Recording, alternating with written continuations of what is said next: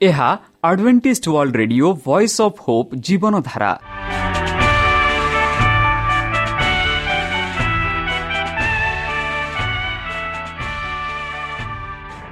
Odia radio କାର୍ଯ୍ୟକ୍ରମ ଯାହା ଆମର ଆନ୍ତର୍ଜାତୀୟ ଆଘାତ କେନ୍ଦ୍ରରୁ ପ୍ରସାରଣ କରାଯାଉଛି ପ୍ରତିଦିନ ରାତି ନଅଟା ତିରିଶ ମିନିଟ୍ରେ।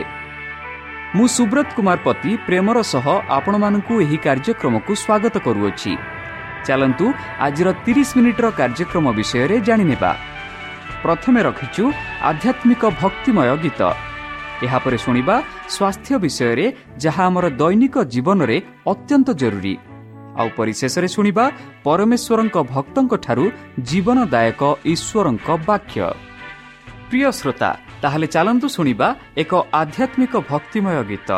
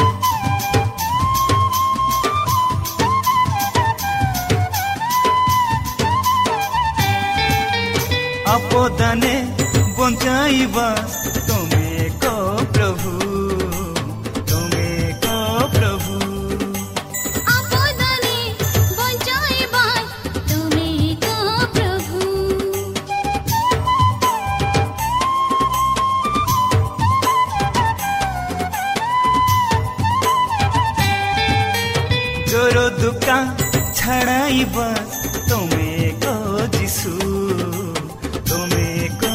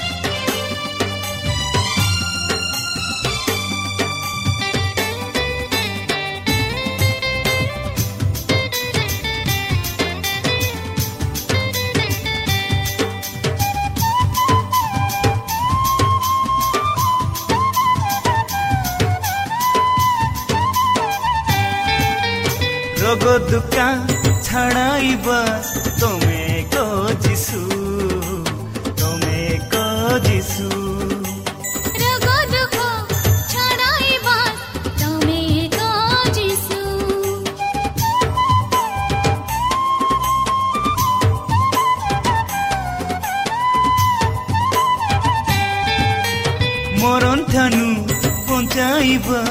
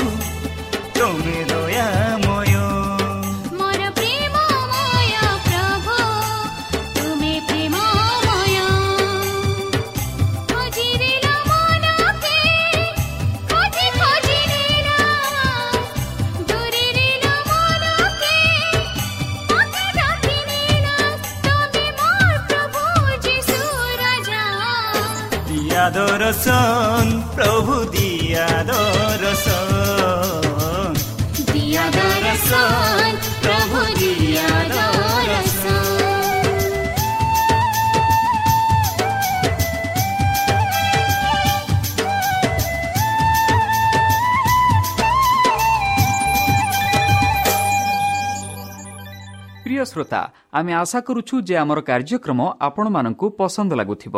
ଆପଣଙ୍କର ମତାମତ ଜଣାଇବା ପାଇଁ ଆମର ଏହି ଠିକଣାରେ ଯୋଗାଯୋଗ କରନ୍ତୁ। ଆମ ଠିକଣା Adventist media centre SDA mission compound Salisbury park Pune ଚାରି ଏକ ଏକ ଶୂନ ତିନି ସାତ ମହାରାଷ୍ଟ୍ର। ବା ଖୋଲନ୍ତୁ ଆମର ୱେବସାଇଟ୍ ଯେକୌଣସି Android phone smartphone desktop laptop କିମ୍ବା ଟ୍ୟାବ୍ଲେଟ୍। ଆମର website W W W dot A W R dot O R G slash O R I ଏବଂ W W W dot Adventist media centre India dot O R G ବର୍ତ୍ତମାନ ଚାଲନ୍ତୁ ଶୁଣିବା ଈଶ୍ୱରଙ୍କ ଭକ୍ତଙ୍କଠାରୁ ଈଶ୍ୱରଙ୍କ ଜୀବନଦାୟକ ବାକ୍ୟ। ନମସ୍କାର ଦୟାମୟ ଅନ୍ତର୍ଜମୀ ଅନୁଗ୍ରହ ପରମ ପିତାଙ୍କ ମଧୁର ନାମରେ ମୁଁ ପାଷ୍ଟ ପୂର୍ଣ୍ଣଚନ୍ଦ୍ର ଆଉ ଥରେ ଆପଣମାନଙ୍କୁ ଏହି କାର୍ଯ୍ୟକ୍ରମରେ ସ୍ୱାଗତ କରୁଅଛି। ପ୍ରିୟ ଶ୍ରୋତା ସେହି ସର୍ବଶକ୍ତି ପରମେଶ୍ୱର ଆପଣମାନଙ୍କୁ ଆଶୀର୍ବାଦ କରନ୍ତୁ। ଆପଣଙ୍କୁ ସମସ୍ତ ପ୍ରକାର ଦୁଃଖ କଷ୍ଟ ବାଧା କ୍ଲେଶ ଓ ରୋଗରୁ ଦୂରେଇ ରଖୁ। ଶତ୍ରୁ ଶୈତାନ ହସ୍ତରୁ ସେ ସୁରକ୍ଷା ରଖନ୍ତୁ। ବିଶେଷ ଭାବରେ ବର୍ତ୍ତମାନ ଯେଉଁ କରୁଣା ମହାମାରୀ ସାରା ପୃଥିବୀକୁ ଆପନା ପ୍ରଭାବ ଦେଖାଉଅଛି ସେହି ପ୍ରଭାବରୁ ସେହି ପରମେଶ୍ୱର ଆପଣମାନଙ୍କୁ ସୁରକ୍ଷାରେ ରଖନ୍ତୁ। ତାହାଙ୍କ ପ୍ରେମ ତାହାଙ୍କ ସ୍ନେହ ତାହାଙ୍କ କୃପା ତାହାଙ୍କ ଅନୁଗ୍ରହ ସଦାସର୍ବଦା ଆପଣଙ୍କଠାରେ ସହବର୍ତ୍ତୀ ରହୁ। ପ୍ରିୟ ଶ୍ରୋତା ଚାଲନ୍ତୁ। ଆଜି ଆମ୍ଭେମାନେ କିଛି ସମୟ ପବିତ୍ର ଶାସ୍ତ୍ର ବାଇବଲଠୁ ତାହାଙ୍କ ଜୀବନଦାୟକ ବାକ୍ୟ ଧ୍ୟାନ କରିବା। ଆଜିର ଆଲୋଚନା ହେଉଛି ଆତ୍ମା ବିଶ୍ୱକୁ ଏହାର ଅନୁଗ୍ରହ ପ୍ରକାଶ କରେ। ବନ୍ଧୁ ଯେପରି ସଦାପ୍ରଭୁ ପରମେଶ୍ୱର ଆପନା ଶିଷ୍ୟମାନଙ୍କୁ କହିଥିଲେ କି ଏକ ସ୍ୱନ୍ତନକାରୀ ଯିଏକି ସତ୍ୟର ଆତ୍ମା ସେ ତାହାଙ୍କୁ ପଠାଇବେ। ତାଙ୍କର କାର୍ଯ୍ୟ ହେଉଛି ସତ୍ୟକୁ ପରିଭାଷିତ କରିବା। ଏବଂ ପରିଚାଳନା କରିବା।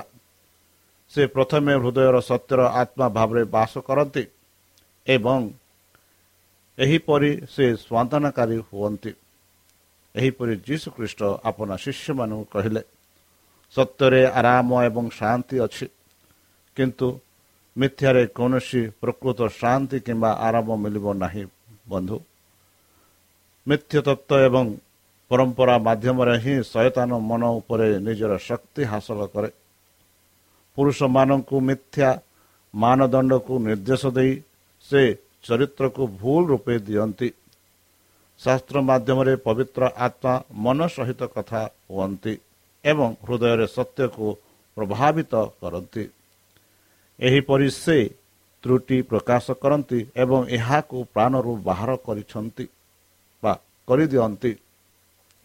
ସତ୍ୟର ଆତ୍ମା ଦ୍ୱାରା ଈଶ୍ୱରଙ୍କ ବାକ୍ୟ ଦ୍ୱାରା କାର୍ଯ୍ୟ କରି ଖ୍ରୀଷ୍ଟ ନିଜ ମନୋନୀତ ଲୋକଙ୍କୁ ନିଜ ନିକଟରେ ବଶୀଭୂତ କଲେ। ବନ୍ଧୁ ନିଜ ଶିଷ୍ୟମାନଙ୍କୁ ପବିତ୍ର ଆତ୍ମାଙ୍କ କାର୍ଯ୍ୟାଳୟ କାର୍ଯ୍ୟ ବିଷୟରେ ବର୍ଣ୍ଣନା କରିବା ବେଳେ ଯୀଶୁ ସେମାନଙ୍କ ହୃଦୟକୁ ପ୍ରେରଣା ଦେଇଥିଲା।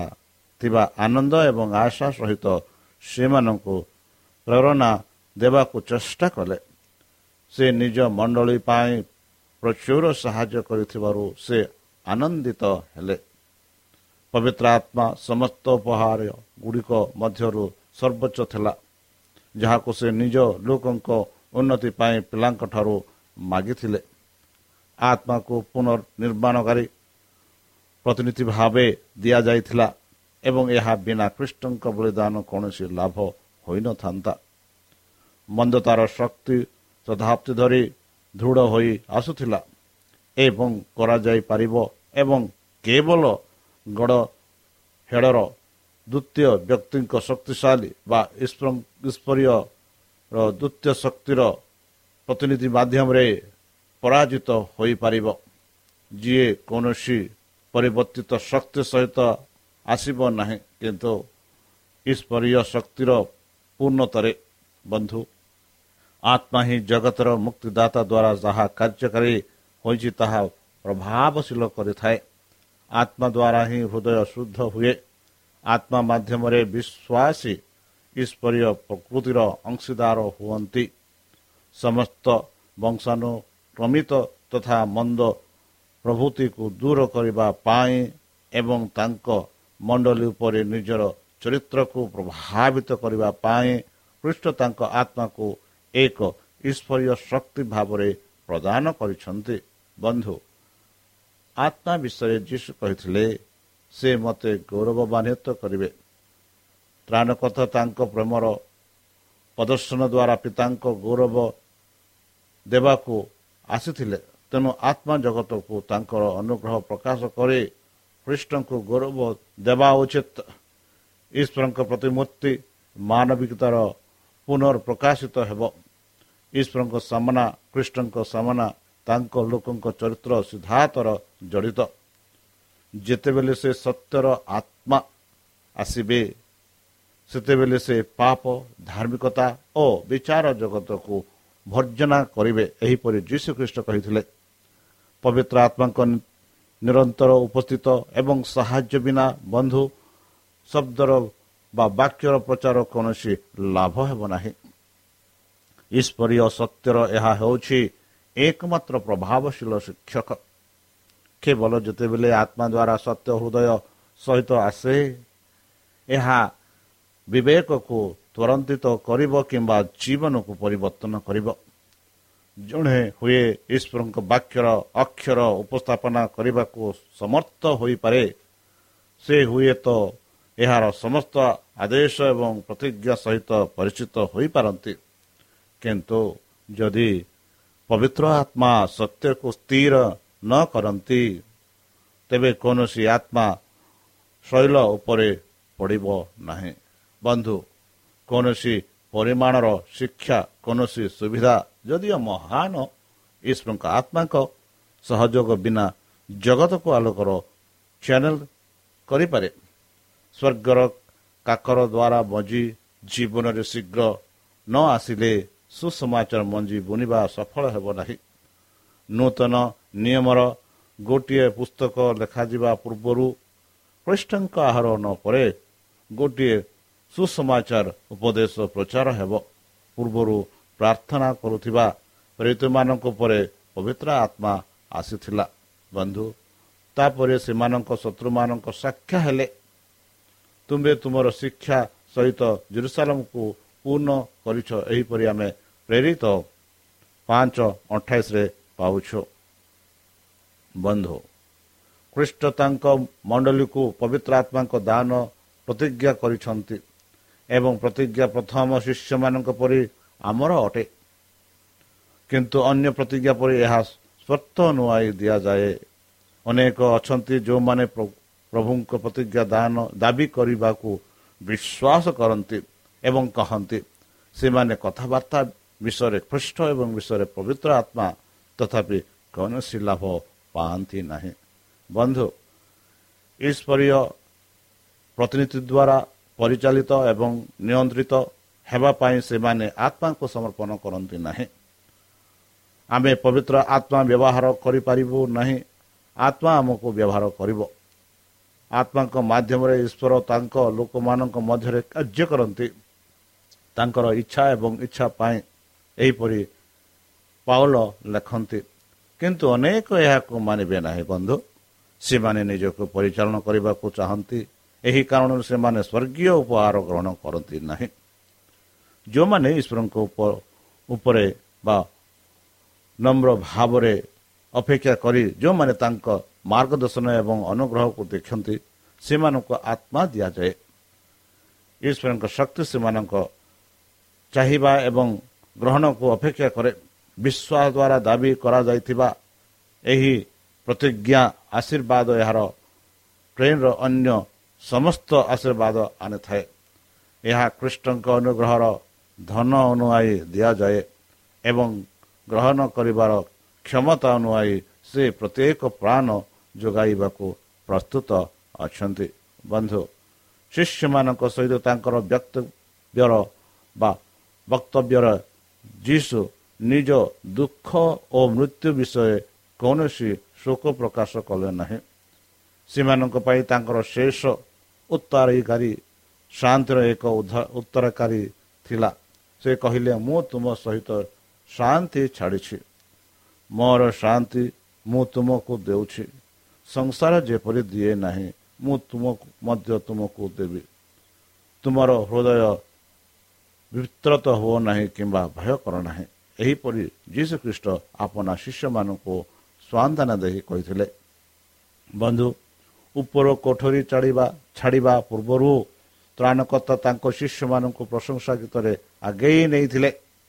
ତାଙ୍କ ସ୍ୱର ଶୁଣାଗଲା କିଛି ଶୋକର ବିଲାପରେ ନୁହେଁ ବରଂ ନିସ୍ତାର ପର୍ବ ହଲ୍ ଆନନ୍ଦଦାୟକ କାର୍ଯ୍ୟରେ ହେ ଜାତିଗଣ ସଦାପ୍ରଭୁଙ୍କ ପ୍ରଶଂସା କର ହେ ସମସ୍ତ ଲୋକ ତାଙ୍କ ପ୍ରଶଂସା କର କାରଣ ତାହାଙ୍କର ଦୟାଳୁ ଦୟା ଆମ ପ୍ରତି ମହାନ ଅଟେ ପ୍ରଭୁଙ୍କର ସତ୍ୟ ଚିରସ୍ଥାୟୀ ସଦାପ୍ରଭୁଙ୍କ ପ୍ରଶଂସା କର ଏହିପରି ଗୀତ ସଂହିତା ଏକଶହ ସତରରେ ଲେଖାଯାଇଅଛି ବନ୍ଧୁ ଭୋଜନ ପରେ ସେମାନେ ବାହାରକୁ ଗଲେ ଜନଗହଳି ପୂର୍ଣ୍ଣ ରାସ୍ତା ଦେଇ ସେମାନେ ସହର ଫାଟକ ଦେଇ ଅଲିଭ ପର୍ବତ ଆଡ଼କୁ ଗଲେ।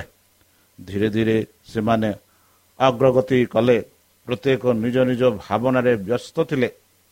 ସେମାନେ ପର୍ବତ ଆଡ଼କୁ ଓହ୍ଲାଇବା ଆରମ୍ଭ କଲେ। ଯୀଶୁ ଅତ୍ୟନ୍ତ ଦୁଃଖର ସ୍ୱରରେ କହିଲେ ଆଜି ରାତିରେ ମୋ ହେତୁ ସମସ୍ତେ ବିରକ୍ତ ହେବେ। କାରଣ ଲେଖା ଅଛି ମୁଁ ମେଷପାଲକକୁ ମାରିବି ଏବଂ ମେଷପାଲ ମେଷମାନଙ୍କ ମେଣ୍ଢା ହେବା ବିଦେଶରେ ଛିନ୍ନ ଭିନ୍ନ ହୋଇଅଛି।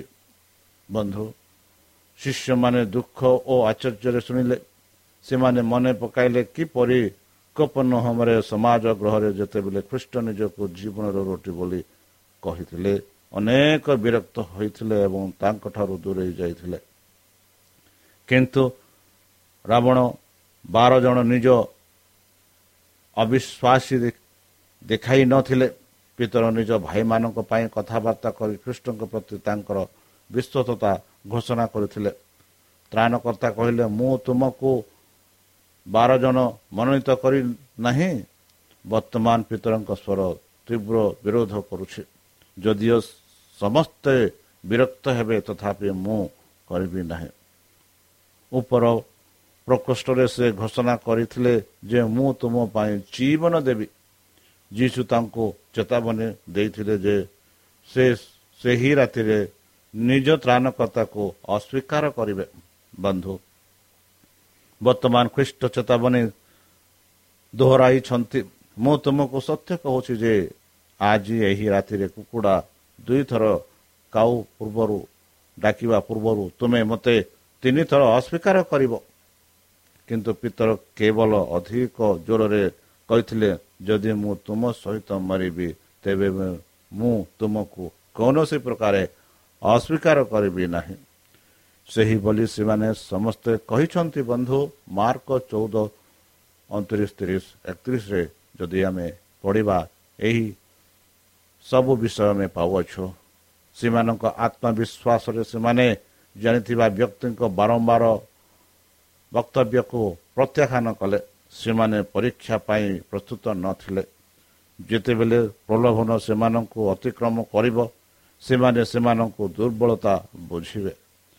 ଯେତେବେଳେ ପିତର କହିଥିଲେ ଯେ ସେ ପ୍ରଭୁଙ୍କୁ ଅନୁସରଣ କରି କାରାଗାରକୁ ଓ ମୃତ୍ୟୁ ପର୍ଯ୍ୟନ୍ତ ଯିବେ ସେତେବେଳେ ସେ ଏହାର ଅର୍ଥ ଏହାର ପ୍ରତ୍ୟେକ ବାକ୍ୟ କିନ୍ତୁ ସେ ନିଜକୁ ଜାଣିନଥିଲେ। ତାଙ୍କ ହୃଦୟରେ ଲୁଚି ରହିଥିଲା ମନ୍ଦତାର ଉପାସନା ଯାହା ପରିସ୍ଥିତି ଜୀବନରେ ପରିଣତ ହେବ। ଯଦି ସେ ତାଙ୍କ ବିପଦ ବିଷୟରେ ଚେତନ ନ ହୁଅନ୍ତି ତେବେ ଏହା ତାଙ୍କର ଅନନ୍ତ ଧ୍ୱଂସକୁ ପ୍ରମାଣ କରିବ। ତ୍ରାଣକର୍ତ୍ତା ତାଙ୍କଠାରେ ଏକ ଆତ୍ମା ପ୍ରେମ ଏବଂ ନିଶ୍ଚତତା ଦେଖିଲେ ଯାହା କୃଷ୍ଣଙ୍କ ପ୍ରତି ଥିବା ପ୍ରେମକୁ ମଧ୍ୟ ବହନ କରିବ। ଅନେକ ଅସୁରକ୍ଷତା ଅସମର୍ଥିତ ପାପ ଆତ୍ମାର ଆଶା ବାଧନତା ଅସୁରକ୍ଷିତ ସ୍ୱଭାବ ପ୍ରଲୋଭନରେ ଅବହେଳା ତାଙ୍କ ଅଭିଜତାରେ ପ୍ରକାଶ ପାଇଥିଲା। କୃଷ୍ଣଙ୍କୁ ଦୁଃଖ ଚେତାବନୀ ହୃଦୟ ଅନୁସନ୍ଧାନ ପାଇଁ ଏକ ଆହ୍ୱାନ ପିତର ନିଜ ଉପରେ ଅବିଶ୍ୱାସ କରିବା ଏବଂ କୃଷ୍ଣଙ୍କ ଉପରେ ଗଭୀର ବିଶ୍ୱାସ କରିବା ଆବଶ୍ୟକତା କରନ୍ତି। ଯଦି ସେ ନମ୍ରତାର ସହିତ ଚେତାବନୀ ଗ୍ରହଣ କରିଥାନ୍ତେ ତେବେ ସେ ମେଷପାଲଙ୍କୁ ନିଜର ମେଣ୍ଢା ରଖିବା ପାଇଁ ନିବେଦନ କରିଥାନ୍ତେ। ଗାଲିଲି ସମୁଦ୍ରରେ ଯେତେବେଳେ ସେ ବୁଡ଼ିବାକୁ ଯାଉଥିଲେ ସେ ଚିତ୍କାର କରି କହିଲା ପ୍ରଭୁ ମୋତେ ରକ୍ଷା କର ତାଙ୍କ ହାତ ଧରିବାକୁ। ତେଣୁ ଯଦି ସେ ଯୀଶୁଙ୍କ ନିକଟରେ କ୍ରନ୍ଧନ କରିଥାନ୍ତେ ମୋତେ ନିଜଠାରୁ ରକ୍ଷା କର। ତେବେ ସେ ରକ୍ଷା ପାଇଥାନ୍ତା। କିନ୍ତୁ ପିତର ଅନୁଭବ କଲେ ଯେ ସେ ଅବିଶ୍ୱାସୀ ଏବଂ ସେ ଏହାକୁ ନିଷ୍ଠୁର ବୋଲି ଭାବିଲେ। ସେ ପୂର୍ବରୁ ବିରକ୍ତ ହୋଇଥିଲେ ଏବଂ ସେ ନିଜ ଅବିଶ୍ୱାସ ଆତ୍ମାରେ ଅଧିକ ସ୍ଥିର ହୋଇଥିଲେ। ବନ୍ଧୁ ଯୀଶୁ ନିଜ ଶିଷ୍ୟମାନଙ୍କ ପ୍ରତି ଦୟା ଦେଖାନ୍ତି। ସେ ସେମାନଙ୍କୁ ପରୀକ୍ଷା ରକ୍ଷା କରିବାରେ ନାହିଁ କିନ୍ତୁ ସେ ସେମାନଙ୍କୁ ଆରାମରେ ଛାଡ଼ନ୍ତି ନାହିଁ। ସେ ସେମାନଙ୍କୁ ଆଶ୍ୱାସନା ଦେଇଛନ୍ତି। ସେ ସେ ସମାଧିର ବନ୍ଧନ ଭାଙ୍ଗିବା ଉଚିତ ଏବଂ ସେମାନଙ୍କ ପ୍ରତି ତାଙ୍କର ପ୍ରେମ ବିଫଳ ହେବା ନାହିଁ। ସେ କହନ୍ତି ମୁଁ ପୁନର୍ବାର ପୁନରୁତ ହେବା ପରେ ମୁଁ ଗାଲିଲିକୁ ଯିବି। ଏହିପରି ମାଥ୍ୟୁ ଛବିଶ ବତିଶରେ ଆମେ ପାଉଛୁ ବନ୍ଧୁ ଅସ୍ୱୀକାର କରିବା ପୂର୍ବରୁ ସେମାନଙ୍କୁ କ୍ଷମା କରିବାର ନିଚତତା ଅଛି। ତାଙ୍କ ମୃତ୍ୟୁ ଏବଂ ପୁନରୁଦ୍ଧାର ପରେ ସେମାନେ ଜାଣିଲେ ଯେ ସେମାନଙ୍କୁ କ୍ଷମା କରାଯାଇଛି ଏବଂ ଖ୍ରୀଷ୍ଟଙ୍କ ହୃଦୟରେ ପ୍ରିୟ ହୋଇଛନ୍ତି। ଯୀଶୁ ଏବଂ ଶିଷ୍ୟମାନେ ଅଲିଭ ପର୍ବତରେ ପାଦ ଦେଶରେ ଗେତ୍ସମାନେ ରାସ୍ତାରେ ଯାଉଥିଲେ। ଏକ ଅବସର ପ୍ରାପ୍ତ ସ୍ଥାନ ଯାହାକୁ ସେ ଧ୍ୟାନ ଏବଂ ପ୍ରାର୍ଥନା ପାଇଁ ପ୍ରାୟତଃ ପରିଦର୍ଶନ କରିଥିଲେ। ତ୍ରାଣକର୍ତ୍ତା ତାଙ୍କ ଶିଷ୍ୟମାନଙ୍କୁ ଜଗତକୁ ତାଙ୍କର ମିଶନ ଏବଂ ତାଙ୍କ ସହିତ ଆଧ୍ୟାତ୍ମିକ ସମ୍ପର୍କ ବିଷୟରେ ବୁଝାଇଥିଲେ ଯାହାକୁ ସେମାନେ ବଞ୍ଚାଇ ରଖିବେ। ବର୍ତ୍ତମାନ ସେ ଯୀଶୁଙ୍କୁ ବର୍ଣ୍ଣନା କରିଛନ୍ତି। ଚନ୍ଦ୍ର ଉଜ୍ଜଳ ଆଲୋକିତ କରେ ଏବଂ ତାଙ୍କ ଏକ ସମୃଦ୍ଧ ଦ୍ରାକ୍ଷରତ୍ରକୁ ପ୍ରକାଶ କଲେ। ଶିଷ୍ୟମାନଙ୍କ ଦୃଷ୍ଟି ଆକର୍ଷଣ କରି ସେ ଏହାକୁ ଏକ ପ୍ରତୀକ ଭାବରେ ବ୍ୟବହାର କରିଛନ୍ତି। ବନ୍ଧୁ ସେହି ଯୀଶୁଖ୍ରୀଷ୍ଟ ଯିଏକି ତାହାଙ୍କ ଶିଷ୍ୟମାନଙ୍କୁ ଏତେ ଗଭୀର ଭାବରେ ପ୍ରେମ କଲେ ଆମମାନଙ୍କୁ ମଧ୍ୟ ସେହି ଯୀଶୁଖ୍ରୀଷ୍ଟ ବର୍ତ୍ତମାନ ପ୍ରେମ କରନ୍ତି। ଆମର କର୍ତ୍ତବ୍ୟ ହେଉଛି କି ଆମେ ତାହାଙ୍କଠାରେ ସମର୍ପଣ କରି ଆମ ଜୀବନ ତାଙ୍କ ହସ୍ତରେ ସମର୍ପଣ କରି ଆମ ପରିବାର ତାଙ୍କ ହସ୍ତରେ ସମର୍ପଣ କରି ତାହାଙ୍କ ମଧୁର ନାମରେ ଆମେ ପ୍ରାର୍ଥନା କରିବା। ଚାଲନ୍ତୁ ତାହାଙ୍କ ମଧୁର ନାମରେ ପ୍ରାର୍ଥନା କରି ଧନ୍ୟବାଦ ଅର୍ପଣ କରିବା। ହେ ଆମ୍ଭମାନଙ୍କ ସର୍ବଶକ୍ତି ସର୍ବଜ୍ଞାନୀ ପରମ ପିତା ଧନ୍ୟବାଦ ଅର୍ପଣ କରୁଛୁ ପ୍ରଭୁ। ବର୍ତ୍ତମାନ ଯେଉଁ ବାକ୍ୟ ତୁମ ସେହି ଭକ୍ତଙ୍କ ଦ୍ୱାରା ଶୁଣାଇଲେ ସେହି ବାକ୍ୟ ଅନୁସାରେ ଏମାନଙ୍କୁ ଚାଲିବା ପାଇଁ ବୁଦ୍ଧିରେ ଜ୍ଞାନରେ ଶକ୍ତିରେ ପରିପୂର୍ଣ୍ଣ କର। ଆମ ପାପ ସବୁ ତୁମ ସେହି ବହୁମୂଲ୍ୟ ରକ୍ତରେ ପରିଷ୍କାର ରୂପେ ଧୋଇଦିଅ ଯେପରି ତୁମ ସେହି ଶିଶୁମାନଙ୍କୁ ତାଙ୍କ ପାପ ସବୁ କ୍ଷମା କରିଥିଲ ଆମ ପାପ ସବୁ ତୁମ ସେହି ବହୁମୂଲ୍ୟ ରକ୍ତରେ ପରିଷ୍କାର କରି ଧୋଇଦିଅ ବର୍ତ୍ତମାନ ଯେଉଁ କରୋନା ମହାମାରୀ ସାରା ପୃଥିବୀକୁ ଆପଣା ପ୍ରଭାବ ଦେଖାଉଅଛି ସେହି ପ୍ରଭାବରୁ ଆମମାନଙ୍କୁ ସୁରକ୍ଷାରେ ରଖ। ଆଉ ପରିଶେଷ ଯେବେ ତୁମେ ତୁମ ସେହି ସହସ୍ରଦୂତଙ୍କ ସହ ଆପଣା ସାଧୁମାନଙ୍କୁ ସଂଗ୍ରହ କରିବା ନିମନ୍ତେ ଆସିବେ ହେ ପରମେଶ୍ୱର ସେତେବେଳେ ଆମମାନଙ୍କୁ ଏକ ବାସସ୍ଥାନ ଦିଅ ବୋଲି ପ୍ରାଣକର୍ତ୍ତା ପ୍ରଭୁ ଯୀଶୁଙ୍କ ମଧୁରମୟ ନାମରେ ଏହି ଛୋଟ ବିକ୍ଷା ମାଗୁଛୁ ଶୁଣି ଗ୍ରହଣ କର। ଆମେନ୍।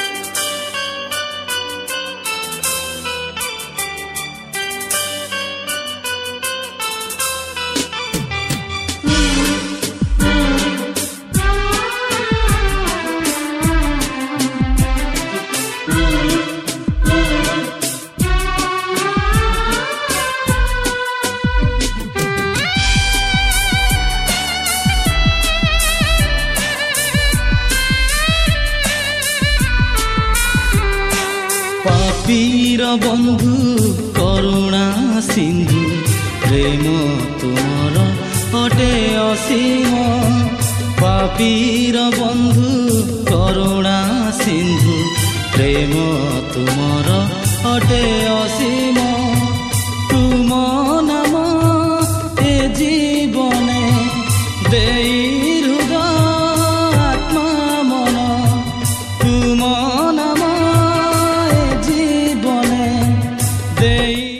শ্রোতা আমি আশা করুଛୁ ଯେ ଆମର କାର୍ଯ୍ୟକ୍ରମ ଆପଣମାନଙ୍କୁ ପସନ୍ଦ ଲାଗୁଥିବ ଆପଣଙ୍କର ମତାମତ ଜଣାଇବା ପାଇଁ ଆମର ଏହି ଠିକଣାରେ ଯୋଗାଯୋଗ କରନ୍ତୁ ଆମ ଠିକଣା advantage media centre SDA mission compound Salisbury park Pune ଚାରି ଏକ ଏକ ଶୂନ ତିନି ସାତ ମହାରାଷ୍ଟ୍ର ବା ଖୋଲନ୍ତୁ ଆମର ୱେବସାଇଟ୍ ଯେକୌଣସି Android phone smartphone desktop laptop କିମ୍ବା ଟ୍ୟାବ୍ଲେଟ୍ ଆମର website W W W dot A W R dot O R G slash O R I ଏବଂ W W W dot Adventist media centre India dot O R G Adventist media centre ଇଣ୍ଡିଆର spelling ହେଉଛି A D V E N T I S T M E D I A C E N T R E I N D I A ଅଥବା download କରନ୍ତୁ ଆମର mobile app ଆପଣଙ୍କର mobile play ଷ୍ଟୋରକୁ ଯାଆନ୍ତୁ ଆଉ type କରନ୍ତୁ the voice of hope ଆଉ download କରନ୍ତୁ। ଈଶ୍ୱର ଆପଣଙ୍କୁ ଆଶୀର୍ବାଦ କରନ୍ତୁ। ଧନ୍ୟବାଦ।